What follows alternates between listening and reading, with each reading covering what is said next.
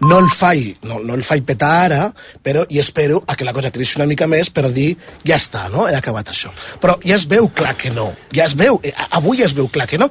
Ja es veu clar perquè el partit ja li està ensenyant la porta, ja porta dos dies ensenyant la porta, més, per tant, i, i dos persones, Maria Jesús Montero és, és eh, eh, secretària d'organització del PSOE i el propi Sánchez ahir en públic, per tant, ja li estan ensenyant la porta, i després per això que deia abans, pel risc que l'atac a Doli segueixi, perquè no. el, PP, el PP ja està parlant no. que, que en aquestes sempre eh, exageracions que fan, que, el, que Sánchez és el jefe de la de, trama de la corrupta. Trama, sí, sí. Però és que no només l'atac bueno, a Doli. I de fet ahir sentíem ja el president del PP a Catalunya, Alejandro Fernández, dirigir-se al que llavors era ministre de Sanitat, Clar, Salvador Illa. És que, sí, no, no, és, és que, que el, PP, el PP anirà tirant. Clar, i no només el PP, és a dir, tota l'estructura mediàtica de dretes, perquè ens entenguem, això per, és, bueno, és manar caigut del cel. El coldo, el concepte coldo, per ells, ah, tenen per viure durant clar, molt de temps. Clar. Per però, tant, i que, però que és lògic, que és un escàndol el cas no? Coldo. Vull dir, sí, sí, sí. Eh, veurem si hi ha implicació, perquè insistim que de moment, des del punt de vista judicial, Avalos no té cap eh, tipus de, de problema judicial, però que en tot cas alguna cosa hi ha. Eh, de, no, de tot... no sé si d'ell, eh, però en tot cas d'un col·laborador de tot, absolutament De tota estrany. manera, caldrà veure el sumari. El sumari és molt interessant mm -hmm. de lo que s'ha conegut fins ara. A mi m'ha sorprès que no, que no li poguessin, eh, que el deixessin en llibertat sense, mm -hmm. sense posar-li cap... Mm -hmm. eh, ni, ni, ni, ni fiança, sí, sí, ni fiança. És que dona la sensació que sí. ho tenen molt avançat tot. Sí, no, I que, no ho sé, no sé, això m'ha sorprès, eh, perquè donada la gravetat, eh, perquè... Bueno, primer es va parlar de 5-6 milions mm -hmm. de, de, de mossegada, sí i ara se parla d'un milió i mig, no sé. Parlant de mossegada, té avui un minut. Eh, heu vist que, que us han portat sí. avui? El Manxón s'ho està mirant a distància, eh? Manxón! Manxón, que sàpigues que ens han portat uns bunyols. Jo vull una foto. Estem... Home, mono, eh, estem, oh, que estem en quaresma, oh, hi ha oh. una cosa, no?, de, de la doctrina catòlica aplicant-se, no?, i a l'abstinència, però aquí tenim els bunyols, que per cert, els que veniu de l'Empordà ja sabeu que hi ha els brunyols, no? Eh, brunyols, brunyols. Brunyols, aquests no ho són. Eh, hi ha, bueno, els de l'Empordà diuen que són així amanís i tot això, els de vent són més lleugers, i aquí ens han portat també alguns de farcits, crec que aquests són amb crema i amb tot crema. això, de la pastisseria Bonastre, que funciona des de 1959 al carrer Tamarit de Barcelona, gelateria a l'Avinguda Mistral, i que són estupendos. Bé, Armenteres, tu tampoc podràs eh, tastar-los, els brunyols. Eh, bon dia, Armenteres. Hola, bon dia. No, però espero tastar-ne aviat a la, a la terra de casa nostra. Escolta, abans de que parlem de València, perquè eh, connectarem amb, eh, connectem amb l'Armentres que continua a València per aquesta tragèdia, però eh, no sé si des de Madrid estàs veient també això que estàvem comentant, no? el cas Avalos, que, que, pot ser una, que pot ser una crisi molt, molt forta si no es va resoler aviat pel PSOE, eh? Sí, total i absolutament. Um, un, un parell de detalls. Uh, el primer, la denúncia que ho porta la Fiscalia, no oblidem que és el PP de Madrid és el PP de Madrid, és la resposta que té el uh, Partit Popular i, per tant, Comunitat de, de, de Madrid a tot l'escàndol al voltant del eh, germà d'Isabel Díaz Ayuso. Clar, clar. I un altre detall, que no és menor, el Tribunal de Comptes va fiscalitzar tots aquests contractes, perquè eren contractes que es van fer pel procediment d'urgència, per tant, que no hi havia un concurs públic com a tal, vull dir, mm, quan les urgències ho requereixen, això és legal. I aquest tipus de contractes que estan sota sospita van anar d'aquesta manera. El Tribunal de Comptes això va fiscalitzar i no va veure cap mena d'irregularitat. Això és el que no s'acaba d'entendre. El Tribunal de Comptes al final acaba revisant tots els contractes públics de totes les administracions. Eh, a Catalunya hem parlat molt al voltant del, del procés, però aquests contractes suposadament estaven liquidats ja pel, pel Tribunal de Comptes. I una altra cosa, al voltant de la figura de José Luis Ábalos. És veritat, quan se'l va cessar de ministre i dels càrrecs al, al PSOE, des de llavors és un diputat ras, és veritat que és president de la Comissió d'Interior, que no és un càrrec menor. A partir d'aquí, eh, Ábalos és dels diputats aplicats, és dels diputats que eh, van a pràcticament tots els plens, que, que, que té un acte de presència, diríem, bastant important. Sovint ens queixem que eh, moltes vegades es veu l'hemicicle buit o mig buit o amb una aforament molt, molt, molt, molt petit, Avalos és dels que hi és eh, sempre. I aquí hi ha una gran cosa, que és el que no acabem d'entendre què passa entre el dimecres i el diumenge, que és que dimecres, quan apareixen eh, les primeres informacions que pengen davant de tota la investigació i dels tribunals, eh, la posició d'Avalos és mm, què més voldria jo que saber què ha passat per poder donar explicacions, perquè mm -hmm. no en mhm. tinc ni la més remota idea. I de cop i volta hi ha unes filtracions el dijous, corregiu-me, crec que és el País, el precisament país, sí. el País, sí. qui treu aquestes filtracions, i a partir d'aquí apareix el seu nom eh, al, al sumari. És veritat que no té cap mena d'imputació, però eh, hi ha converses intervingudes on, on sembla que hi ha aquesta connivència amb el llavors eh, ministre. I a partir d'aquí, Avalos comença a girar i a virar tota l'estratègia. Ha fet entrevistes, però no acaba de respondre-ho eh, no acaba de respondre-ho tot i efectivament té Avalos, Avalos té tota la raó quan la declaració d'ahir de Pedro Sánchez no en deixarem passar ni una, aquesta l'ha dit moltes vegades. Uh mhm. -huh. mm, per tant, això anticipa que efectivament té el coll tallat i ja veurem en, en quines condicions. Amb la voluntat, Avalos, per, per, per cert, com diu el CUE, perdona, eh, amb la voluntat que sigui ell, no? El PSOE el que vol és que caigui Avalos voluntàriament. Suposo Però que fixa't, si no, doncs, fixa't bueno, un, un detall, Armenteres, en l'entrevista del País, després d'haver negat que ell ja voldria saber jo el que tu deies, no? Mm. que ho va, sí. va ser la, primera, la seva primera resposta al, cap al final de l'entrevista, diu, però vostè no sabia res. Diu, no, òbviament sempre et diuen coses. Ja.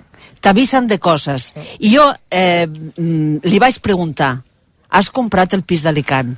Com l'has comprat? I em va dir que, que era una entre compra germans. entre els germans per la família. Sí, sí. Però bueno, reconeix en l'entrevista que l'havien avisat de coses del sí, Coldo. Sí, sí. I per tant... És així, sí. Armenteres, 10 i 6. Eh, tu ets a València, però, més enllà, perquè és el supercorresponsal de rac eh, li preguntem del que li preguntem. Eh, evidentment està el cas. Eh, com està la situació a València? Perquè avui és un dia de nou. Ahir vam parlar de que s'estaven fent moltes feines, hi ha molta feina a fer a l'edifici que, va, que va cremar. Hi ha molt eh, debat encara de la posició, dels protocols, de l'acció dels bombers. Hi ha tot el debat al voltant d'ara les famílies què, no tot el via crucis eh, judicial de viatge d'assegurances, etc etc. i crec que la setmana que ve, a més a més, ja els recol·loquen en alguns pisos. Com està la situació, Armenteres? A veure, d'entrada, mira, l'últim que deies, eh, hi ha aquest edifici de 131 plantes que va adquirir l'Ajuntament de, de València ara fa unes setmanes, ara fa uns mesos, edifici de 131 plantes, eh, aquests dos blocs que tinc jo davant cremats en tenen 100, 138, eh, allà la intenció és que allò com a mínim de manera temporal serveixi eh, com a edifici per reubicar totes aquestes famílies. Uh -huh. eh, ahir, última hora de la nit, ja va sortir que eh, l'Ajuntament es comprometia a tenir aquest, aquest bloc enllestit eh, a mitjans de la setmana entrant. És un bloc, l'alcaldessa la vam sentir abans d'ahir dient que era un bloc amb, amb electrodomèstics, no hi ha mobles però sí que hi ha electrodomèstics, per tant seria molt fàcil que s'hi puguin reubicar. Una altra cosa són les condicions, el tanto, perquè eh, podem parlar d'una reubicació ràpida, eh, diríem, posem-hi totes les cometes del món, com una mena d'acollida, però clar, no seran blocs que regalar, no és un bloc que regalarà, no, no seran seran eh, pisos on no s'hagi de pagar un, una hipoteca, potser per parar el cop sí, perquè més en aquests moments s'estan pagant hotels a, la, a, les, eh, a, la, a les famílies que ho necessiten.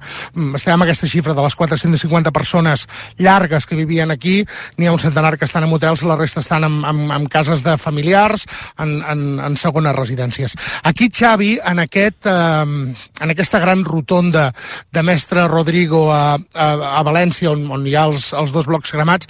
Aquest matí ha aparegut una mena d'altar um, en una cantonada, en un semàfor, hi ha al voltant d'una dotzena de, de rams, hi ha algunes espelmes, també hi ha uh, ossets de peluix, hi ha víctimes uh, petites i també hi ha cosa en referència als animals. Hi ha molts animals de companyies que es, va, que es van quedar dintre i, i això pels qui, pels qui ho senten també és, és, és un altre element. I el que acabem de saber fa un moment és que s'ha convocat un minut de silenci aquí davant de l'edifici. Ahir es va fer la plaça de l'Ajuntament, era un acte més institucional, més polític.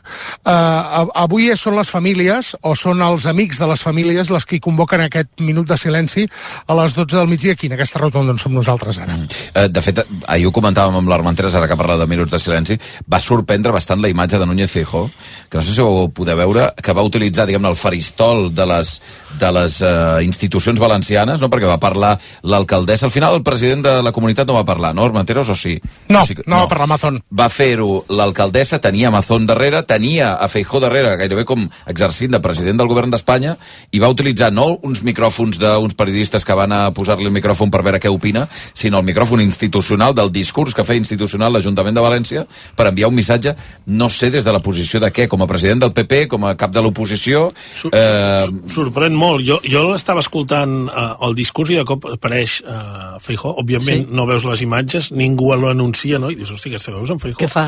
Què hi fa aquí, no? Perquè no tenia cap, cap lògica. Vull dir que és algo sorpresiu a nivell, sobretot de protocol i a nivell institucional. No, no s'entén, no s'entén. Mm. Sí, perquè o sigui, el que no és criticable és que Feijó es desplaci a València per conèixer les famílies, fins i tot si vol fer alguna declaració als periodistes per opinar del que li sembli, però fer servir el faristol que està fent servir la institució, en aquell cas que representa els valencians, que és l'Ajuntament, eh, per, per fer un discurs pràcticament institucional com a què, eh, va sorprendre molta gent, i al final, vaja... Mm. Sí, perquè governen els seus, però hauria de, si fos així, hauria de sortir doncs, el de compromís, el de qualsevol altre sí, partit, no?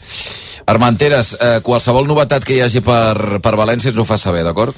D'acord, fins ara. Una abraçada. A les 10 i 10 minuts, deixeu-me re, anar dos minuts a la publicitat i de seguida saludo també el Genís Roca, el nostre gran expert en l'àmbit eh, digital, perquè ja ho tenim aquí, Mobile World Congress a partir de demà. ara que estem en contra dels mòbils, eh? Exacte.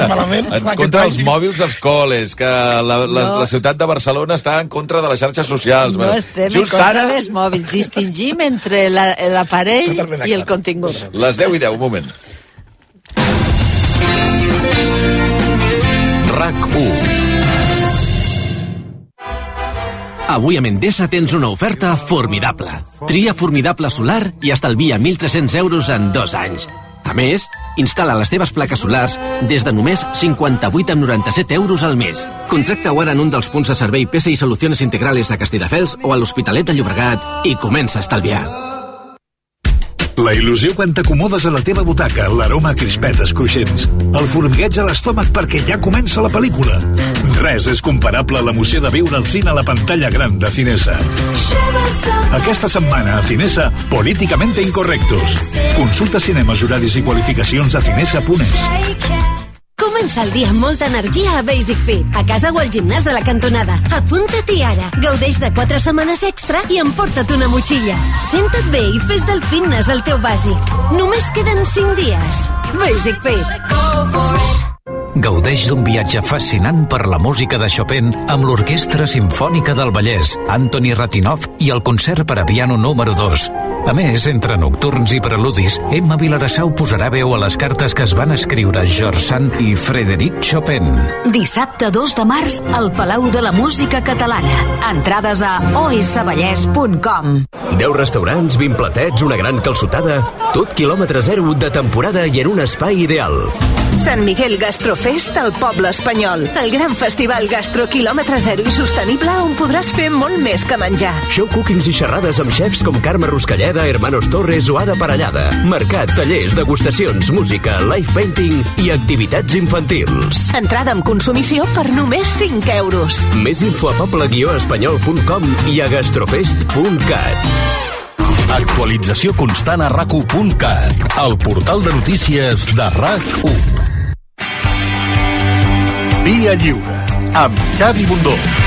Dos minuts i arribarem a un quart d'onze del matí, avui acompanyats d'Arturo Puente, de Pau Canaleta, de Milagros Pérez Oliva, de Manel Manchón. Mira, estem veient just les imatges a Televisió de Catalunya de la Fira de Barcelona, perquè demà arrenca el Gran Mobile World Congress, que, eh, com parlàvem ahir amb el Nando Jovany, mm, és un factor diferencial per moltes indústries del país. Eh? En l'àmbit de l'hostaleria, de la restauració, és un, és un factor diferencial. Dius, si no Home, tinguéssim això, una xifra. Mm, canviaria, canviaria el circuit, no? Però, evidentment, continua sent una trobada de les grans grans eh, institucions o dels, dels grans empreses a nivell global del mòbil. Deixeu-me saludar, com gairebé sempre que s'acosta el mobile, el Genís Roca. Com estàs, Genís? Bon dia. Molt bon dia, com esteu? Doncs ja, ho hem parlat moltes vegades ja de què és. Portem ja 18 anys eh, parlant del Mobile World Congress, no? Eh, I que... I, i, m'imagino que el camí és que cada cop hi ha, hi ha més novetats, no? Des del punt de vista del, del món del desplegament digital, no? El mòbil és una cosa, però és que sempre hem dit que no és un congrés de mòbils, no? Sinó de tecnologia mòbil, no? Eh, I això vol dir que a partir d'aquí, eh, bueno, eh, hi ha moltes, mm, molts, uh, molts fils per estirar, no? I m'imagino que aquest any el gran tema és la intel·ligència artificial, no sé si serà així també el mobile. Segur, aquest any tothom està molt, molt, molt capficat amb això de, de, de la intel·ligència artificial. Aquest és un congrés de coses connectades. Però no és, no és sexy el nom, no? El congrés de coses Clar. connectades. Clar, perquè al principi era un congrés de telefonia, Sí, sí. eh, quan la telefonia servia per fer trucades, però després, en aquest protocol de telecomunicacions que permetia fer trucades, li van incorporar una capa de dades, llavors aquest protocol servia per gestionar trucades, però també intercanvi de dades entre dispositius connectats, i aquest és el camí que han agafat.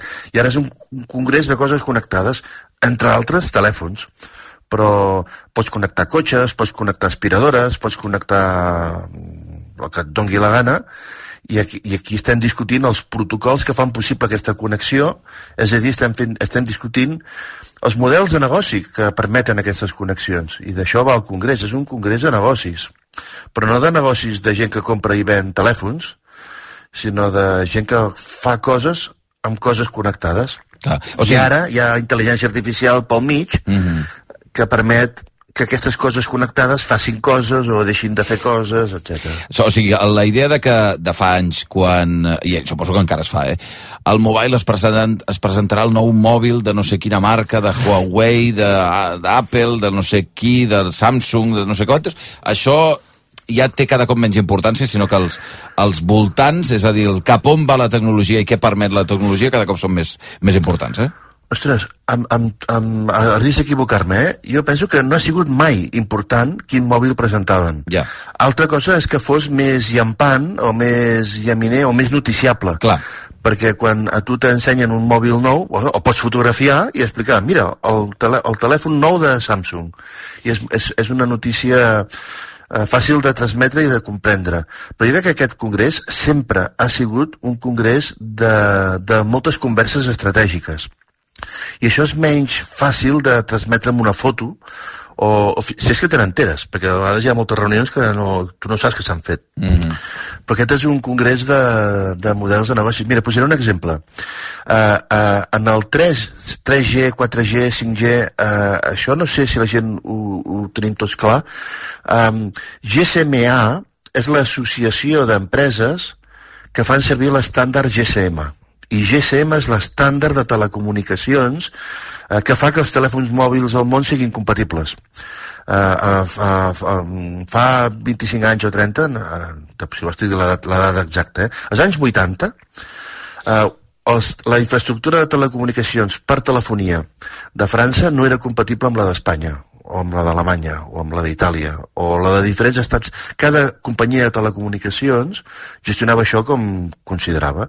I GSM és l'estàndard que va fer possible que les infraestructures franceses i les espanyoles fossin compatibles i, per lo tant, que arribés el roaming, o que un camioner pogués tenir un telèfon aquí, anar a França i continuar tenint cobertura. Es- Aquest estàndard, en el temps, ha tingut diferents evolucions. Hi ha hagut una versió 2, una versió 3, una versió 4, que això és el que vol dir 3G, 4G, 5G. 4G només vol dir versió 4 de l'estàndard GSM. 5G, versió 5 de l'estàndard GSM. És maco, això. que, que a vegades hi ha gent que em diu hi haurà 6G? I dic, sí, tonto, no veig el número de la versió. és, és una evidència, no? Està, si no has vist la progressió, vull dir... Sí, sí, sí. Mira, mira-ho bé, mira tu bé. Sí, sí, no pateixis, no? Llavors, el 3G és, el, és el, la versió que consolida l'arribada de les dades a l'estàndard. Fins al 3G, bàsicament era un estàndard de trucades. I a partir del 3G, bàsicament és un estàndard de, de dades. De, de, amb el 3G arriben les Blackberries, mm -hmm. recordeu? Sí. Eh, que amb un telèfon jo començo a gestionar correus. Però aquest, aquest inici de, de les dades eh, encara és suau. Vull dir que aquí encara ens cobraven les trucades. Però eh, el 4G, que arriba fet i no fet el 2008, el 3G arriba al 2000. I el 4G arriba al 2008, més o menys. Uh, I en el 4G, el que és un volum de dades ja molt bèstia, aquí és quan ens comencen a cobrar per, per dades i no, diuen, llamades gratis, no ah, pateixis. Sí, és veritat. Però, però ja comencen a cobrar un mega, dos mega, 10 megas i aquestes coses. Llavors, això passa més o menys el 2010. Sense 4G, avui no tindríem Blackberries. Ai, perdona, no tindríem streaming. Netflix, Sense no? 4G no tindríem Netflix, no tindríem Spotify, i aquí les companyies de telèfon se'ls va quedar cara tonto. Perquè ells van posar la infraestructura 4G que permet que hi hagi streaming, però ells no han pillat del negoci de l'streaming. O sigui, el de Telefònica, quan veu el que factura Netflix, s'aixeca i diu, jo soy tonto. No? per, perquè he creat la infraestructura que fa possible aquest negoci, però jo no el facturo. Mm. I, en, I per contra, les companyies de telecomunicacions han fet això d'anar a derribo entre elles, que és um, sin límite de datos i no sé què. Diu, bueno, bueno però si, si ara tothom, si anem baixant preus i anem oferint-ho tot sense límit, com ens guanyarem la vida? Uh, com, perquè els altres, els Google, Netflix, Meta, tots aquests funcionen sobre la teva infraestructura, però no, no et donen cèntims. Però una, una pregunta, ¿quién será que te estás... L'Arturo. Sí, sobre Arturo Puente. Una pregunta, a, a, a, Telefónica de debo, o Telefònica, les companyies de tel, telefòniques, de debò tenen, tenen aquesta preocupació de com es guanyaran la vida en el futur? I tant. Sí, eh? Sí. Però, Pensa però una té, té motius per, per... O sigui, més enllà de la preocupació també la tinc, no? Però vull dir, que com la guanyaré jo. Però vull dir, uh, uh, té, té, té motius per, per estar preocupats? Uh, per, per exemple, facturaven el que no està escrit en SMS Uh -huh. i arriba a WhatsApp. Llavors, deixen, perden tota la pasta que facturaven amb, amb SMS, se'n se va a zero i WhatsApp no els hi dona res. Vull dir que és directament negoci perdut. Uh, que a mi em sembla bé, eh? perquè jo prefereixo que enviar-te No, un missatge que- no, no, no tingui al final cost, però aquí tothom- facturaven i deixen de facturar. Tothom tenim a casa una connexió per la que paguem X, no sé, d'entre de, 50, 100, que siguin, eh? Sí, però, sí, però pensa una cosa, perquè tu tinguis aquesta connexió a casa, s'ha tirat una infraestructura. Molt cara. Ja, algú ha fet una rasa a terra i ha tirat una fibra. I aquesta fibra va, entra pel portal de baix, puja al primer pis, al segon pis, passa a la tercera planta i gira a mà esquerra que hi ha la teva porta. Val? Vull dir, això és una infraestructura. Mhm. Per exemple, per exemple, la fa telefònica. I llavors això és, això és car i ho ha d'amortitzar. Però llavors ve un altre operador, tipus, jo que sé, que tu vulguis, Vodafone, Mas Mòbil, sí. el que vulguis, i l'Estat obliga a Telefònica a compartir la infraestructura. Uh, perquè l'Estat diu, home, el que no vull ara és que en, en, el, en, el, en el teu pis pugin sis cables de fibra. Yeah. Un per cada operadora. Llavors, el que li diu l'Estat a l'operadora que ha tirat la fibra és ara et diré quin preu uh, li has de cedir l'ús de la fibra en els altres. Uh -huh. I, bueno, tot plegat és un negoci delicadet, molt intervingut per l'Estat, amb preus pactats per l'Estat, ningú, ningú vol tirar infraestructura... bueno, en qual, la situació que sigui, però per això treuen 5G. 5G és un intent desesperat de buscar un altre model de negoci perquè el de 4G no m'ha anat bé i el 5G surt el 2018 Llavors, si fas la seqüència a l'any 2000 3G l'any 2008 4G l'any 2018 5G cada 10 anys passa una cosa molt sèria que és un canvi en el model de negoci i aquest és el congrés l'únic, eh? Aquest és el lloc del món on es parlen aquestes coses. Llavors, alguna de les reunions que no podrem escoltar eh, s'està polint el 6G, per exemple, que encara, que encara no ens l'han explicat, eh? però que, què és el 6G? No és una evolució tecnològica d'un estàndard, és l'evolució d'un model de negoci de les telcos. Quan jo passejo pel Mobile World Congress i veig un cotxe i me diuen el cotxe connectado, penso, mira, els de les telcos intentant cobrar, guanyar alguna de cèntims del que fa SEAT. Clar. Llavors, el cotxe connectat serà la repera? Sí. Llavors, el de Telefònica diu, com puc fer-ho? Perquè una part m'ho paguin a mi. Mm. Llavors, aquest congrés, quan tu vas passejant i veus usos en salut, usos en lleure, el futur de la cultura, els concerts en directe, els cotxes, el, la ciutat connectada, tu has d'anar pensant que són les operadores de telecomunicacions del món intentant-ho. Uh, una pregunta, Genís, perquè um, he recordat tota aquesta setmana i jo crec que hi ha hagut, eh, sobretot, un parell de notícies interessants aquesta setmana vinculades al, a la transformació digital que volia saber què n'opinaves i si creus que d'alguna manera se'n parla això en el, en, o en el mobile o al Four Years From Now que és la, no, la, la fira em, que hi ha a l'entorn diguem-ne, no? I que, i que també és- d'emprenedoria, de d'empre- nous, exacte, nous no? negocis, que ja quadra, eh? Nous negocis sí, sí. és un bon lloc, Sí, és sí, un bon lloc. és això. Eh, no sé si vas veure el cas aquest del guiris. no? La gent Sí. que va trobar-se fent cua venent eh, l'iris a canvi d'unes criptomonedes. Um, els debats sobre no sé si aquest concret, eh, però els debats sobre la privacitat, sobre les dades que deixem o no deixem, això forma part del mobile o del Four Years From Now? I aquests models Ara- de negoci també? Sí, ara sí, eh, perquè eh, la direcció de, mobile, de la Mobile World Capital, o sigui, aquí hi ha dues coses, el Mobile World Congress i la Mobile World Capital. Mobile World Capital és la- l'entitat que hem organitzat aquí a Barcelona, que la presideix el Francesc Fajula i que, i que està formada pel govern d'Espanya, la Generalitat, Fira de Barcelona, etc. Eh, que eh, mm, és amb qui, fa, eh, amb qui l'organitzador internacional ha fet els tractes per quedar-se a Barcelona. Llavors, la Mobile World Capital eh, té objectius editorials. Llavors, la, la Mobile World Capital aquest any té, eh, i jo crec que és estratègic, que no és només aquest any, té objectius de, això que en diuen humanisme tecnològic, que és una etiqueta que a mi em posa molt nerviós, però que en- entenc el que volen dir, eh? Vull dir que quines conseqüències té per nosaltres tota aquesta tecnologia Exactament. eh, des d'un punt de vista moral, ètic, de seguretat, etc. I aquí la Mobile World Capital està, està apostant fort i, i el, aquest any el Congrés té com sis grans temes un tema és l'evolució del 5G, un altre tema és això que pa- parlàvem ara, de coses connectades a, a la vida quotidiana. Uh, hi ha un altre sobre manufactura, uh, uh, sobre com aquesta transformació digital afecta la manufactura, la indústria manufacturera, fabricació, és una mirada molt industrial, però un dels eixos temàtics, n'hi ha, sis, eh, n'he dit tres, però un dels eixos temàtics que, que volen treballar aquest any és aquest de humanitzar la intel·ligència artificial en concret, usos centrats en les persones, debats sobre consideracions ètiques, reptes socials, i està bé que ho comencem a fer, perquè si no prendrem mal. De tota manera, això de l'iris, sí. No, no venen l'iris, eh? Uh, un, no venen l'iris, uh, dos, no regalen cèntims. Uh, ho dic perquè... O sigui, ho hem dit tot malament, no? Sí, ho hem dit tot malament. doncs què feien allà fent cua, Genís? Eh, no dic que estigui bé el que feien, eh? Sí, sí. És igualment in in inquietant. Però el que feien era... Eh, jo et miro l'iris sí. i el converteixo en una ràfaga de números. Val? Eh, i el Bueno, teu iris... el di- digitalitzes. Sí, el digital, com la, igual que la teva empremta digital és Sí, única, el teu sí, iris és únic. sí. Jo, jo et miro l'iris eh, i dic, ah, vale, 104, 1, no, 100, 100, una ràfaga de números, que és un identificador únic. Val? Llavors, què estan intentant aquesta empresa? No sé si se'n sortiran. És, fins ara, per identificar-te tu, Xavi Bundó, a tu qui t'identifica? Com, com sé que tu ets tu i, que- i, que no, i que no ets jo?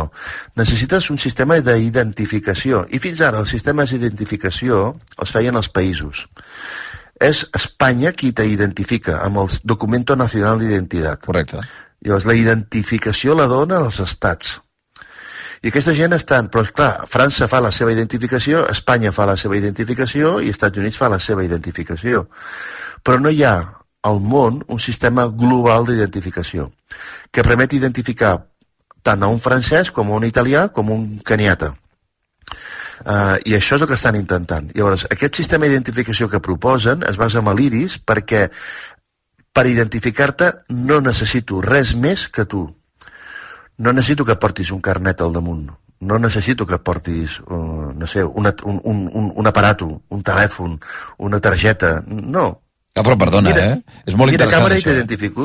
Molt bé, eh, la identificació, però llavors aquesta identificació, aquesta quanti- quantitat de dades, de base de dades per poder identificar milions No. de persones, està en mans No. privades. Sí, sí, sí, sí. En lloc d'estar en mans de la policia. Uh, uh, llavors, la identificació de, de tu es podria fer a partir de l'iris. Llavors, per exemple, tu aniries al camp del Barça i diries, ah, vull entrar, que sóc soci. I els del Barça et dirien, uh, però tu qui ets? Jo, eh, Xavi Bundó. Deixa'm confirmar-ho. Ara què fas per confirmar-ho? Treus el DNI. O el carnet del Barça. Sí, bueno, el carnet del Barça... del Barça. Saps? I llavors, però el, el tio de la porta es mira el teu DNI i et mira tu i diu, hòstia, no, em quedo, no, no, no estic segur que siguis tu. No estic segur, perquè aquesta foto te la vas fer fa 15 anys, tio. Mm -hmm. no? I llavors diu, "Mi- mira un moment aquí. I llavors el sistema de confirmació d'identitat, en lloc de ser el DNI fet per la poli, seria d'aquesta empresa. I què faria el Barça? Pagar aquesta empresa per poder-te identificar. Clar, jo què ja- ja- necessita? ti- tinc tendència a, a, a enfonsar-me cada cop que sento coses d'aquestes, eh? però em sona fatal això, Genís, de veritat. Eh? Bueno, a mi que m'identifiquin... Eh, eh, estic acostumat, eh? De tant en tant... Eh, Home, aquest, aquest senyor que han detingut fa uns dies perquè es deia igual Mhm. i tenia la mateixa data de naixement que un criminal buscat a França... No li hagués aquest- passat. No li hagués passat. Això no li hagués passat. Ah, aquí quin és el risc? El risc és, però només si te mesures que només has guardat la ràfaga Ah. de números de l'Iris i Xavi Bundó. No, no, has, no, has guardat, no has guardat també treball a RAC1, té aquesta orientació sexual, aquesta orientació religiosa, que és, no, no m'has guardat res més. Llavors ells diuen no, dic, bueno, vale, però eh, alguien más que ho vigili, això. Però el que estem buscant és un sistema mundial d'identificació i el que fan és intentar tenir massa crítica, llavors quan tu te presentes a les empreses i els hi dius, escolta, jo tinc això, ells et diuen, però quanta gent és capaç d'identificar? Uh, 100.000 persones? Perquè això és ridícul. Diu, no, no, jo amb això ja sóc capaç d'identificar milions de persones. Llavors, com ho fas per tenir milions de persones identificades? El vell truco de... Te regalo algo? Llavors, ells han fet una criptomoneda uh, uh, uh, s'han sí, una criptomoneda és una, és una, és una tonteria, és una cosa que, que... També són números, no? Sí, que tu i jo ara podríem dir eh, Xavi Bundó i Genís Roca han fet una criptomoneda. No sé com començar ara mateix, ara no em va, no em va bé, Genís, ara. Però la podríem generar, val? Podríem generar, eh? podríem fer els bundós, va? podríem generar els bundós. No cal. I llavors eh, eh, eh, tu i jo fem mil bundós i els regalem. Què t'ha costat fer mil bundós? Ai, no res, eh? Llavors la gent, eh, eh, tu els regales, li dones a la, a la, a la gent que tens a la taula un bundó cada un, val? Llavors ells, per alguna raó estranya, se'l venen entre ells i se'l compren entre ells, Val? Jo, jo, jo, tu, jo tinc un bundó però m'agradaria molt tenir-ne dos I, i, eh, i, i la Milagros li compra un bundó a l'altre i li paga 5 dòlars pues ja tenim un preu un bundó val 5 dòlars però a tu i a mi que els hem generat no ens ha costat res Llavors, aquest que està regalant criptomonedes a canvi de l'iris en ell no li està costant res un, la gent que els té se'ls compra i se'ls venen entre ells i això genera un valor no sé si m'he explicat Oh, i tant, que t'has Ostres, t'expliques meravellosament. I tant que has explicat. Per, per Jo, tant, jo tenia una pregunta. Val. Eh, a, a, a, què, què dius, per tant, què? No, no, això, que estan intentant crear un sistema d'identificació únic a nivell mundial, convencent a la gent perquè s'ho deixi fer a canvi de no res. Déu-n'hi-do. Eh, acabo una pregunta amb la Mila, perquè li he dit que serien 10 minutets i, i pobra, l'estem tenint aquí molta estona. Digues, Mila. No, eh, torno una mica enrere, quan tu deies que, que les grans tecnològiques no acaben de fer negoci eh, eh, amb tota la inversió, elles són les que Mhm. suporten tota la inversió i els que fan els negocis són el Meta, Google i tots els altres, no? També hi ha l'altra part, és a dir, Google, Meta i tots aquests fan negoci perquè altres posen la infraestructura i nosaltres, els mitjans, posem els continguts. Sí. Llavors, s'està discutint també a nivell de, de la indústria eh, que aquestes grans plataformes paguin no només per la infraestructura, sinó que paguin també pels continguts. Hi ha algun moviment en això? Sé que ja s'està negociant a nivell de la Unió Europea. A Espanya hi ha una demanda Mm. sobre, sobre tot això i que ens afecta pues, a, a tots els mitjans de comunicació, no? Sí, és, és molt interessant, eh, perquè, per exemple, aquest tema que comentes ara, Milagros, que és que, clarament important per tota una indústria, per tota una cultura, eh, si t'hi fixes, no es discuteix en el Mobile World No, Congress. clar, perquè, perquè és, aquest és el congrés de la dels que tecnologia. estan, dels que estan fent, no, bueno, dels que estan fent servir un protocol de telecomunicacions. Uh, per tant, et deixa més a prop dels aparatos que dels usos.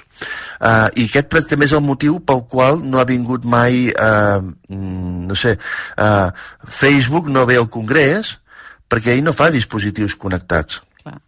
I llavors, com que jo no faig dispositius connectats, no vinc. Bé. El que hauria de venir perquè fa dispositius connectats és Apple, però aquests també tenen el seu amor propi i han decidit que no venen. Però, però aquest, eh, llavors, els debats que hi ha en aquest, en aquest congrés, eh, home, hi ha tota mena de debat perquè ve molta gent, eh? però, però tenen més a veure amb els usos de l'estàndard.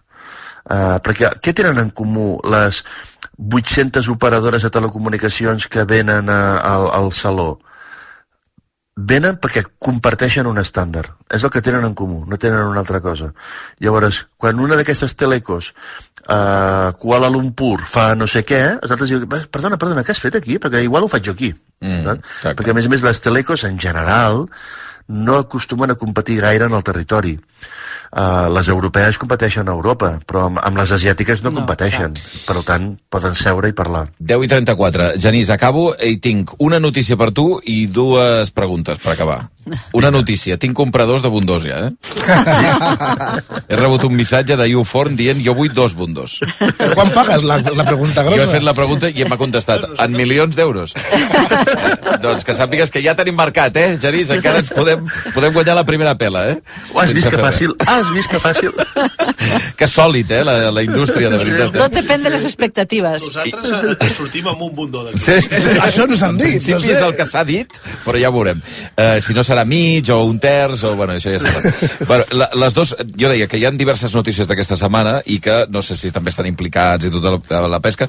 M'estalvio lo de la, la intel·ligència artificial. Saps que últimament eh, tothom torna a estar amb les mans al cap per, per el... Sora es diu? Soro? Sora? Sora. Sora, amb aquesta uh, intel·ligència artificial que fa vídeos ara només a través d'un text i que fa aquestes barbaritats eh, que tothom amb les mans al cap, el nou xat GPT, que estan, no sé si el 3.5, el 4, ja no sé quin nivell estem, eh, m'estalvio aquesta pregunta, tot i que t'he de dir que continuo estant inquiet amb aquesta situació. Molt, eh, i, i jo crec que hi ha d'haver-hi molta gent que, Que ho estigui, efectivament. I la segona... Digues, digues, perdona. No, anava a dir, però eh, fins ara no estaves inquiet amb Molt, Photoshop? molt. Ah, en Amb Photoshop? En Photoshop, menys. Home, jo havia vist fotos de gent que estava molt ben feta i resulta que no, que no, que no. Però era molt més no difícil sé. i calia ser... Havies de saber Sí, fer anar el clar. Photoshop, Res, que a mi res. sempre m'ha costat. Hi havia legions de gent al teu voltant que sabia sí. fer servir el GPT. El, el, Sí, però ara pots escriure un text amb faltes d'ortografia i te farà el que li demanes. No està mal, hem progressat. Hem progressat. Eh, I la- l'altra reflexió era, no sé si ho has anat seguint, que aquesta setmana Barcelona s'ha volgut sumar a Nova York amb la crítica a les xarxes socials, no? que Nova York va dir que denunciarien a les empreses eh, per la salut mental dels joves. Barcelona no ha fet el mateix, però sí que crec que ha declarat eh, problema de salut pública en els casos d'abús de xarxes socials i tot això. No sé si es debat aquí, perquè clar, és una cosa molt sectorial, eh, i, i fins i tot què n'opines d'això? Aviam, aquest no seria un tema natural d'aquest congrés, sí. però sí que uh, l'enfocament que li està donant a la Mobile World Capital a, a, a, al repte va per aquí. Per tant, jo crec que Barcelona, uh, la Mobile World Capital Barcelona, és, uh, és un actor que està intentant proposar aquests temes a la taula i a l'agenda. Al final, pensa una cosa, des de fa 18 o 19 anys que tenim el festival, el, el, perdó, el festival no, el congrés, el congrés aquí, Ho és, ho és, és un festival. hi ha hagut un debat sempre sobre quin és el llegat que deixa la ciutat, perquè Oh, eh, eh, tot aquest esforç que fem com a ciutat per acollir, per mereixer tenir aquest, aquest congrés aquí, s'hav- s'havia dit molt que això tindria un llegat, un retorn en forma de desenvolupament industrial. Però 18 anys després aquesta ciutat no és una ciutat que brilli per ser el lloc on es fan les apps o ser el lloc on es pareix la tecnologia que marcarà el món. Correcte. Aquest és el lloc on es discuteix la tecnologia, on s'ensenya la tecnologia, però no, no, el llegat no és aquest.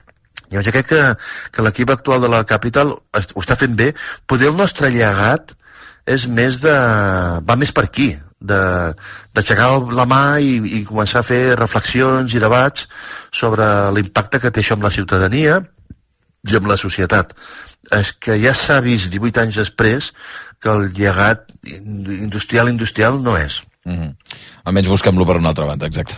Genís, eh, una abraçada, com sempre, moltes gràcies. Una abraçada a vosaltres, gràcies. Que, que sigui lleu, perquè aquests dies que venen té la marinera.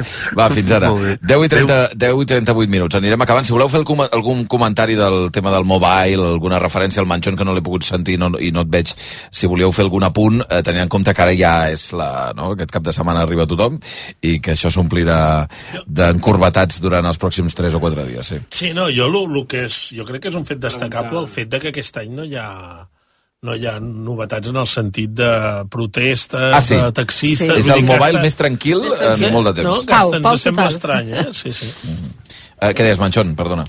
Sí, No, que al marge d'això de destacar això, que en principi no hi ha cap protesta programada, li volia preguntar, bueno, li volia fer el comentari al Genís, però en, en Ai, general ja que l'he al final jo crec que s'ha convertit més com a, en un gran punt de, de trobada turística. Eh? En el sentit de que són professionals d'empreses que agafen uns dies que poden presentar una, una innovació, la presentació d'un determinat producte, però que en realitat s'ho agafen com un 3-4 dies a una, a una ciutat molt acollidora i que els hi encanta i que tota la ciutat també ho, ho entén com, com, com un, un altre un punt important durant l'any de, de turisme mm. I, i, i, de, i de bon rotllo, diguéssim, pels restaurants, per, per, per l'oci nocturn És fort, eh? Per, perdona, tota la perquè- banda més. M'agrada molt això, Manxó, Sí. perquè fem el que fem, I que- aca- acaba sent turístic. O sigui, pots intentar el que vulguis, però acaba, Sí, no, acaba tendint cap al mateix És lloc. que és que aquest és el tema aquest és el tema que jo veig de, de la ciutat de Barcelona que, que és veritat que es fan coses molt, molt importants que la Fira de Barcelona s'ha de dir molt clarament que és un èxit total d'organització i de, perquè venen congressistes de tot tipus i d'àmbits molt diferents, però al final el que prima és que que ens hem convertit en una, en una ciutat absolutament de serveis i molt, molt, molt, molt centrada en el Sí. turisme, sigui un turisme de passatgers d'estiu o, o, o de professionals de- d'arreu que, que estan 3, 4, 5 dies, per, per dir-ho així, d'una forma molt... Eh, que, que, que, que disfruten molt, no? Sí, sí, que, sí, que és, sí que és veritat el que ha dit el Genís, que del mobile potser no en queda en relació a la investigació de les grans tecnològiques, entre altres coses, Sí. perquè no tenim grans tecnològiques aquí. No. Aquí no estan ni Samsung, ni Apple, ni cap d'aquestes, no? Però, en canvi, no és veritat que no hi hagi en aquests moments una sinergia entre el World Congress i altres que es fan, eh? el dels audiovisuals, etc. i que Barcelona i Catalunya en concret estan en aquests moments tenint la per el percentatge més alt que el, que el que li correspondria per PIB, per entendre'ns, en tota les, les, les, la indústria de les noves tecnologies. I tenim un clúster aquí que encara és petit però que pot fer-se gran. Startups. Perquè, sí, exacte. De startups de tecnologia. Sí, de startups, això sí. Això de- sí, i d'aplicacions, sí, sí, sí. o sigui- Però fixa't molt, però fixa't, molt centrades, per exemple, en el- en l'e-commerce. És a dir, no Bueno, acabat no. de fer grans... Sí, jo crec que estem massa, massa... S'acaba de vendre idealista de- per de- no sé quantíssims milions. Jo, jo el que sí que crec és que... Una... De serveis. Jo el que sí que crec és que no hi hauríem de renunciar. És a dir, és evident que el retorn, el retorn industrial a la ciutat eh, eh, diguem-ne, no és molt, molt gran, no és tan gran com podia haver pensat fa una dècada, però també és cert, i està bé, jo crec que el que posava el sobre la taula de que Barcelona sigui, o aquest punt, sigui el, un, un, un lloc de reflexió i on s'aportin aquesta, aquesta mena de, de debats sobre com afecten les tecnologies a la societat, etc. però penso que no haurien de renunciar a que tinguin més retorn i que s'hauria de treballar perquè en tingui, eh? I, i es poden fer coses perquè en tingui. Eh? No, i, i hi ha empreses que han, han situat a Barcelona centres de desenvolupament, de disseny, etc. eh? Cuidado, que... Però to, tot aquest, aquest missatge que comenta en, en Manel del turisme i tal, és el mateix que passa en les grans ciutats, és a dir, a Nova York, a Londres també Ah, passa el mateix. sí, per tant, quan tu sí. estàs a primera divisió passa això. Però i, si venien a buscar sol i platja es van trobar que la Marsà d'ahir i, i l'any que ve s'ho pensen. Eh, dos minuts per tres quarts per tres quarts d'onze del matí. Agraeixo molt a l'Arturo Puente, al Pau Canaleta, a la Milagros Pertoliva, al Manel Manchón per haver-nos acompanyat aquest matí. Moltes gràcies. Gràcies. Abans de que anem amb la Llucia i el Zanon, gràcies. però actualitzem la informació. Vinga. Hola, Sandra Sotilla, bon dia. Bon dia. Hola, Marina Arbós, bon dia. Bon dia. Ens actualitzem. Què ha passat aquesta estona de tertúlia? Doncs que hem parlat amb el director del Servei Català de Trànsit, Ramon Lamiel, que ha donat explicacions pel caos ahir a la P7 amb milers de conductors atrapats després d'una calamarsada intensa al Baix Montseny. Lamiel justifica la decisió conservadora de tallar la via perquè diu volien evitar un xoc múltiple com va passar fa dos anys que va deixar 16 persones ferides. si es produeix el xoc múltiple en aquests dos quilòmetres allí, esperant que no hi haguessin ferits, treure els cotxes d'allà hagués estat encara molt més complexa. I per tant es talla la P7 i es promou la neteja o es demana la neteja d'aquesta via per part del titular perquè pugui circular, mm, puguin circular els vehicles. Per aquest mateix motiu, la Miel defensa que no es reobrís la via fins que estigués completament neta i assegura que la primera màquina llevaneu va arribar en 20 minuts al lloc. Precisament eh, el director del Servei Català de Trànsit també ha fet autocrítica i apunta bàsicament a dues actuacions que cal millorar. Un, la informació i, en segon lloc, la comunicació de vies alternatives. Sí, la Miel admet que hi ha marge de millora i assegura que estudiaran si cal canviar el protocol perquè la informació de les rutes alternatives arribi als conductors nosaltres ens hem d'aplicar millores és ser més incisius en la informació. Nosaltres informem i donem i suggerim unes vies alternatives, però només les suggerim. Potser hem de ser eh, més contundents, en, eh, si em permet la paraula, i mm, provocar-les, aquestes vies alternatives.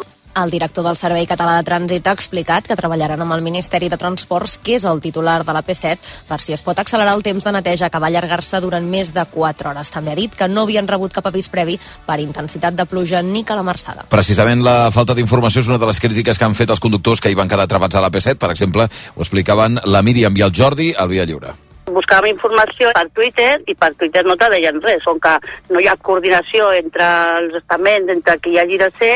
Però un, un suspens per qui mana, perquè ens va faltar informació, escoltament això. Martí Oliveres, bon dia. Bon dia. Avui més tranquil·litat, no? Sí, no acaba de desaparèixer del tot aquesta inestabilitat, risc de ruixats, això sí, ni molt menys tan intensos com els d'ahir. Esperem nevades al Pirineu, intermitents, febles, no pas intenses, però poden arribar fins al fons de les valls, perquè tenim aire fred, fins i tot aire fred atrapat en algunes valls de la cara sud, cap a l'Alt Urgell, els Pallars, l'Alta Ribagorça, aquí pot nevar fins a mitja tarda encara, a cotes de 800.000 metres, amb tendència, això sí, que la cota vagi tirant cap amunt a la resta un diumenge, amb poques opcions de sol, molts núvols i ambient fred. Gràcies, Martí. Mentrestant, a València, ja tenim el resultat preliminar de les autòpsies de les 10 víctimes mortals de l'incendi que apunta a la inhalació de fum com a causa de la mort. Enviat especial de rac a València, Jordi Armenteres, bon dia. Sí, bon dia. Les autòpsies són concloents. La gran majoria de les 10 persones que van morir en aquest fatídic incendi ho van fer per inhalació de fums. Hi ha set cadàvers identificats, tres més als quals s'hi hauran de fer més proves abans d'entregar-los a les famílies. Ara a les 12 del migdia, d'aquí a una hora i quart, es farà un minut de silenci organitzat pels veïns just a sota dels dos blocs eh, cremats. Els veïns que ho vulguin podran ser reallotjats, els veïns que vivien en aquest edifici podran ser reallotjats de manera temporal aquesta propera setmana en un altre edifici de l'Ajuntament, un edifici nou que té 131 pisos. Gràcies, Armenteres, eh, i gràcies també a la Sandra Sotillo, la Marina Arbós. Gràcies. Fins ara. Fins ara. Ara passa un minut de tres quarts d'onze del matí, pausa i de seguida en aquest estudi Llucia Ramis i Carlos Tanón. Via Lliure, amb Xavi Bundó. T'imagines que en un mateix dia omplíssim els teatres d'arreu de Catalunya? Doncs deixa't imaginar-t'ho. El dissabte 16 de març no deixarem cap butaca buida. Suma't a aquest gran repte de país comprant la teva entrada a capbutacabuida.cat o al teu teatre. Mireu, nois, us presento. Aquest és el meu tiet Àngel. A veure, el tiet, el tiet. Per ella sóc com un pare, de fet. Que no, que ets el meu tiet. Però com si fos el seu pare. Home, si t'he estimat com un pare des de ben petita. Si més que un tiet sóc com un pare, sí, sí, un pare. Doncs au, ets el meu pare. Per 17 milions d'euros et fas pare de qui sigui. Ja hi ha a la venda el cupó de l'extra dia del pare de l'11. El 19 de març, 17 milions d'euros. Extra dia del pare de l'11. Ara, qualsevol vol ser pare. A tots els que jugueu a l'11, ben jugat. Juga responsablement i només si ets major d'edat. Tinc un pressentiment. Compra't el Ford Kuga. És alguna cosa que em crida. Compra't el Ford Kuga. Una veu dins meu que em diu... Que compris el Ford Kuga. Fes cas al teu instint i aconsegueix el Ford Kuga. L'híbrid endollable més venut a Espanya i Europa, ara per temps limitat a un preu mai vist. També disponible el Kuga híbrid. El que digui el teu instint. Xarxa Ford de Catalunya. Hola, sóc l'Alfred Rodríguez Picó i us vull parlar de la humitat. La pluja fa que la humitat afecti greument la vostra casa. Infiltracions, capilaritat, condensació, salitre... Des de fa més de 50 anys, Murprotec soluciona definitivament els vostres problemes d'humitat. Demaneu el vostre diagnòstic complet i gratuït al 900 102 103. Murprotec 900 102 103. És en Picó qui us ho diu. Si estàs pensant en vendre el teu cotxe, no li donis més voltes. Vender mi cotxe. Fàcil i molt de pressa. No cal ni demanar cita. T'oferim a l'acte la millor valoració pel teu cotxe de forma gratuïta i sense compromís. I als 30 minuts ja tens els teus diners. Vender mi cotxe. Som a Barcelona, al carrer Rocafort 78, Cornellà de Llobregat i Sabadell. RAC més 1, podcast. Si li pregunto al xat GPT quines són les 5 qualitats d'un emprenedor, què em dirà? Visió innovadora. Disposició a arriscar-se. Flexibilitat. Visió de negoci. Empatia. I si li pregunto al xat GPT que em suggereixi un lema pel podcast d'emprenedors de RAC més 1, O canvies el món, o el món et canviarà tu. doncs no se'n parli més. A RAC més 1, RAC and Go, el podcast pels emprenedors disposats a canviar el món amb Oriol Llop. Escolta'l cada 15 dies a l'app de rac i a rac amb l'impuls de CaixaBank Day One, el servei per a startups, scale-ups i inversors de CaixaBank. RAC més 1. Tots som Més 1. Via Lliure, amb Xavi Bundó. 10 minuts i les 11 del matí. Això ja s'acaba. Això ja està, sembla que això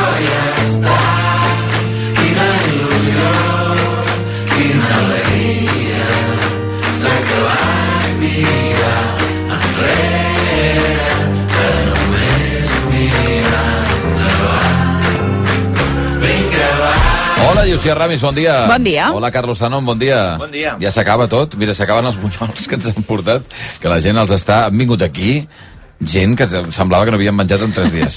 bueno, abans de començar el Això ja s'acaba, ja sabeu que ens agrada reflexionar al voltant de coses que creiem que s'estan acabant. Eh, us he de felicitar tots dos.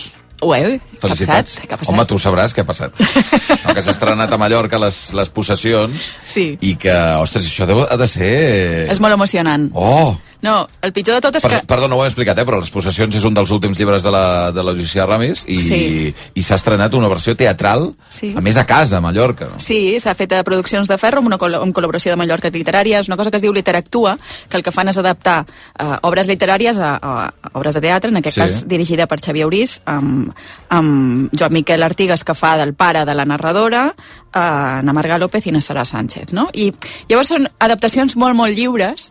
Um, S'estrenava dijous a, al Teatre Mariterra a Palma, però després també s'ha portat a Manacor, Binissalem, Santanyí, Pollença, Carai. Son Cervera, no? Ha, anat, ha fet una gira per Mallorca. Però això és brutal. Sí, i llavors um, dic que és una adaptació molt lliure. Jo no l'he vista, l'obra.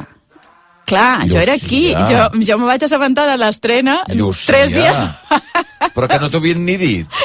sabia que es feia, però no sabia quan s'estrenava. Però que no cobres. Que no cobres. Però, però que... Te, però... Bé, és igual. La qüestió és que jo no l'he vista. Molt fort, això. Encara no l'he vista. Um, no sé exactament... Sé, sé de què va, però no sé exactament Hi ha anat algun conegut teu? Ha anat tota la meva família. Home, increïble. M'han fet la crònica de, de com va anar Sí. a, a Palma. N'hi ha que els hi va agradar tant, tant, tant, tant, que hi tornaran a la de, a la de Santanyí, que és a prop de la nit. I llavors eh, m'han explicat una cosa, Sí. perquè ja et dic, és una adaptació superlliure de les possessions. Perquè és una, que les possessions és molt personal, també, no? Sí, sí. I que té tot el sentit que s'estreni Sí, a Mallorca. i el que ha fet a Xavier Uris ha estat com agafar el moment en què la narradora explica als seus pares que està escrivint una, una novel·la sobre els tabús de la família, no? I llavors, a partir d'aquí, ha desenvolupat l'obra de teatre. Són, no, són només aquests tres actors. I què ha passat? Que tothom, quan la veu, es pensa que jo he parlat amb ells Clar. o que mon pare i mon mare ha parlat amb ells, perquè dius que estan clavats els teus pares. Brutal. Són ells clavats. Brutal. I, i dius, ostres, l'única cosa que me deien que, que, no, que no encaixava gaire és que uh, l'actriu que, que, que, que representa la narradora, o sigui, jo, porta, porta un, un llaç a la cua Ah, de i això cavall. no ho has I això mai. ja no ho he portat mai. És l'única cosa que diuen, no, no, això desencaixava una mica, però la resta clavat, com si fóssiu vosaltres. És el primer cop que t'adapten al teatre? Sí. No, no, molt emocionant. això. I clar, jo el que vull és que, que la portin a Barcelona per, per, Clar. per, per anar-la a veure, perquè jo no, és que no tinc temps. Jo, No- no pots, clar, agafar un vol ara i- Me sap, me sap molt de greu, però me fa molta il·lusió. I tinc moltes ganes també de, de, de saludar-los, conèixer-los i veure com, com han muntat això. Però perquè tu saps si tenen intenció o no? Jo crec que se pot aconseguir. Es pot aconseguir. Vale, estaria molt bé. Les possessions adaptades. Tu tens alguna obra adaptada al teatre? No. És que és fort, això, eh? Sí, sí, sí. És No, per- superemocionant. La mirada d'un altre al respecte de la teva obra i que sigui cos i sigui carn, sigui físic, no? Sí. Jo quan era més jovenet sí que vaig estar en grups de teatre i sí que vaig escriure per, per, Ah. per això i, i sí que es va representar, però pues, jo què sé, ara seria... Menys mal que no hi ha material gravat. Bueno, sí que hi ha material gravat, però no he tornat a veure, però, però home, ha de ser... Sobretot, jo crec que que una mica el que, el que deia la Josia, que la mirada d'un altre, la interpretació d'un altre, és a dir, eh, com tu mai controles com es rep i, i fins i tot eh, i això jo crec que és molt interessant i si a més a més encerten, eh, això també vol dir que qui ha fet el text, o sigui, ella ho ha fet bé, perquè si, te, si et clonen els pares és que ho has fet bé, ho has explicat bé, clar, evidentment. A menys que siguin els teus pares, saps? Tots i per si no et conviden. No, però ja, ja et dic, o sigui, hi havia tios meus, cosins, mm, tothom, tothom, i tothom m'ha dit, ostres, és que és, és, és tal Esclar. qual. Sí, sí. Uh, també he de felicitar el Zanon perquè ha escrit llibre, eh, Barcelona, llibre de viatge, amb il·lustracions de la Lara Costafreda, um, fent un retrat de la ciutat de Barcelona, que és com el no l'epicentre de la teva literatura, també. Sí, doncs eh, també estic supercontent perquè ha sortit l'edició en català i en Mhm. anglès de, del llibre. És un llibre de, molt especial, eh, amb una editorial de tinta blanca, en aquest cas amb l'Ajuntament de Barcelona, i és un llibre eh, amb unes edicions molt acurades, molt treballades, i amb les il·lustracions de la Estrafeda, i, i el llibre jo, és molt personal perquè em vaig equivocar amb les indicacions de l'editor. Què vols dir? L'editor em va dir, eh, quiero tu Barcelona, quiero tu Barcelona i tal, eh, per, que fos personal, però jo vaig pensar que eh, la, la idea de la col·lecció és que els llibres no fossin molt personals, però jo vaig entendre tot el contrari. I va ser el més personal. Sí, va dir, mira, el llibre està molt bé, però has fet el que has volgut, no? I, sí, però bueno, sí, sí, és un llibre que per mi és molt, molt especial perquè és la meva Barcelona de la mà d'escriptors amics i, i, i, i és un llibre que, que, que, que considero molt, molt, molt, molt, molt important per mi. Teu a tope, teu a tope els dos. Bueno, va, anem a fer feina, eh, quan falten 5 minuts per les 11. Avui el Carlos i la Llucia, que ens visiten, ja sabeu, per parlar de coses que creuen que s'estan acabant, i per això la secció es diu Això ja s'acaba, i eh, que podeu proposar vosaltres també. Si creieu que hi ha coses que s'estan acabant, o que des d'actituds, a paraules, o a oficis, el que creieu, ens ho podeu eh, explicar a través de, del Twitter, del correu electrònic via lliure arroba recu.net o a través de l'Instagram. Bé, avui de què parlem, Llucia? Parlarem d'escriure a mà. Home, això està més, està més mort, de veritat, eh? és terrible. És Fa terrible. molt de dies que hi ha el debat sobre la conveniència de prohibir o no els smartphones, les tablets, els or- ordinadors a les aules. Ara també fa una estona parlàveu de tot això. Eh, Segons la UNESCO, les pantalles a l'aula són una font de dispersió de l'atenció dels estudiants, perjudica el seu benestar emocional. La ciutat de Nova York ha demandat Facebook, Instagram, Snapchat, YouTube i TikTok pot provocar un problema de salut pública. Es parla molt del fons, Sí.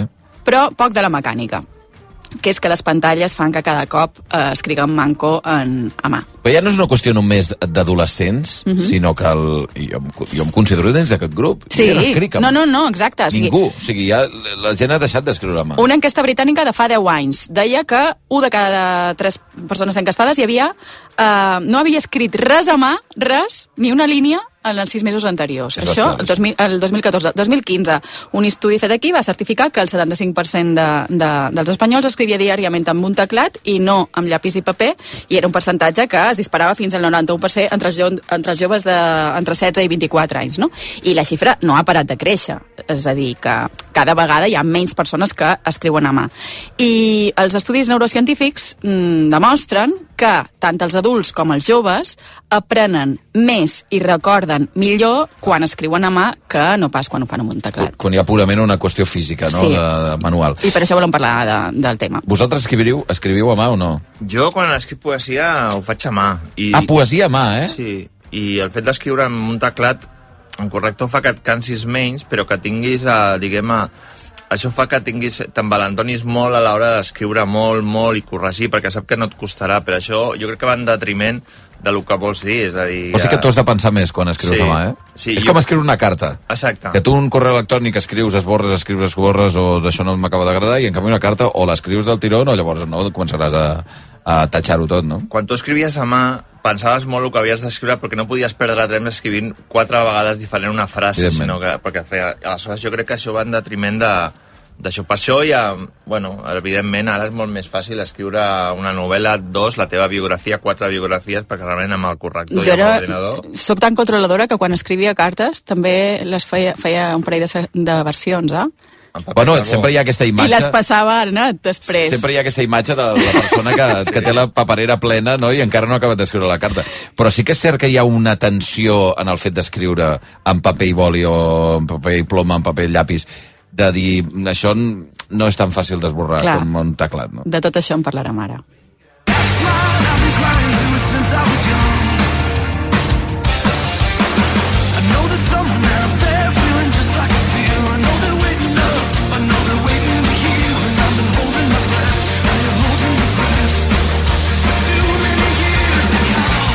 posat rockero, no? Home, Què passa aquí? Mira, ja és que portava uns dies una de tontos, no? doncs sí, aquest grup que, que es diu Gaslight Anthem i la cançó és això, uh, escriure a mà, no? Handwriting, que vol dir que les coses importants, les coses que, que de, jove fèiem, és a dir, les coses, els missatges, les cançons, les cartes, les fèiem, a, les escrivíem a mà i tenia, tenia una importància, és a dir, est- estaves posant alguna cosa més que el missatge, sinó també t'estaves posant tu, no? Mm. I jo crec que, que això és, in, és important, perquè realment no deixa un teclat, no deixa de ser impersonal. És a dir, no és el mateix acomiadar-te o, o dir una cosa maca amb la teva lletra que, que amb un paper i un ordinador i sortir-ho per la impressora. Homogeneïtza completament. Totalment. No? És igual qui t'escrigui un o l'altre. No? Mira, l'altre dia vaig estar amb el meu tiet metge, no és conya, Però metge... el teu metge, el tiet metge que escrivia les receptes eh. a mà, clar, de forma incomprensible, suposo. Fa uns anys va començar a fer cal·ligrafia Ah, sí, eh? i, i està transcrivint a mà tot el Quixot en els quaderns. No! Sí. I me'ls Però va quina mostrar, me'ls va mostrar